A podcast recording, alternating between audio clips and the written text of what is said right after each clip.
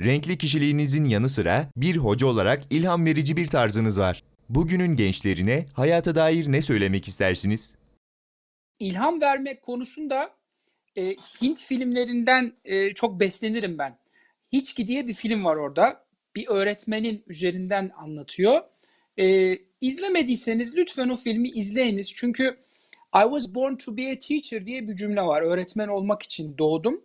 Ve orada şöyle bir özlü söz var. Diyor ki, sıradan öğretmen anlatır, iyi öğretmen gösterir ve yaptırır. Peki büyük öğretmen ne yapar? İlham verir diyor. O yüzden biz öğretim üyeleri olarak, akademisyenler olarak, uğraşan insanlar olarak her zaman eğitim ve umudu yan yana koymak zorundayız.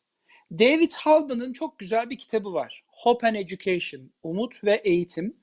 Ben ne zaman eğitim konusunda ya nasıl daha iyi yapabiliriz diye içsel bir konuşmaya geçsem hep o kitaba bakarım. Çünkü o kitap benim gerçekten neden bu mesleği seçtiğimi hatırlatır. Bu girişten sonra değerli gençlerimize neler söyleyebilirim hususunda aslında geçmişteki önemli örneklerimize bakmak lazım. Mustafa Kemal Atatürk'ün çalışmanın ne kadar önemli olduğunu anlattığı cümlelere bakmak lazım ve oralarda bunları aramak lazım. Bir kere her birimiz çok zeki olmak zorunda değiliz ama çalışkan olmak zorundayız. Ve bugün gelecekte nasıl bir kişi olacağınızı belirleyen her türlü etkileşimin içindesiniz. Bu cümleyi ben çok anlamlı buluyorum. Çünkü bugün okuduğunuz kitap, izlediğiniz filmler bizim gelecekte nasıl bir anne baba olacağımıza, nasıl bir eğitimci olacağımıza direkt etkisi olan durumlar. Bunları söyledikten sonra gençlere demek isterim ki ben lütfen kitaplarla öğrenme yoldaşı olun. Kitaplar sizin arkadaşınız olsun. Kitapları yalnız bırakmayın.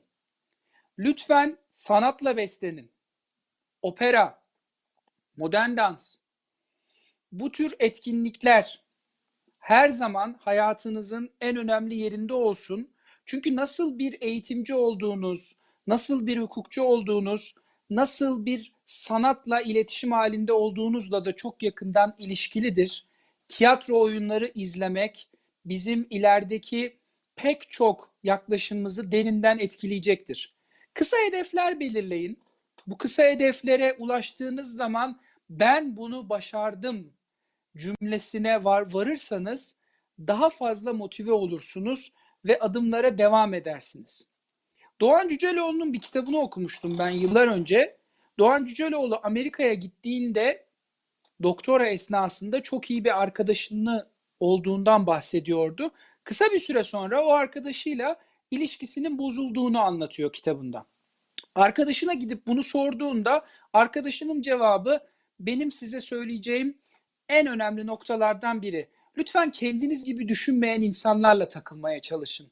Sizi başka bir şekilde düşündürecek, olaylara başka bakmanızı sağlayacak insanları hayatınıza almanız sizin de kendi sınırlarınızı zorlamanız anlamında son derece önemlidir. Biçin atasözü diyor ki okumadan geçen üç günden sonra konuşma tadını kaybediyor diyor. O yüzden daha çok okuyalım, daha çok sorgulayalım, daha çok düşünelim. Orada çok derin bir edebiyat yatıyor. Jack London'ın Martin Eden'i yatıyor. Steinbeck'in Gazap Üzümleri yatıyor. Franz Kafka'nın Davası yatıyor. Shakespeare'in Kral Lear'i yatıyor. Bunların her biri bizim gelecekte nasıl biri olacağımızı derinden belirleyecek unsurlardır.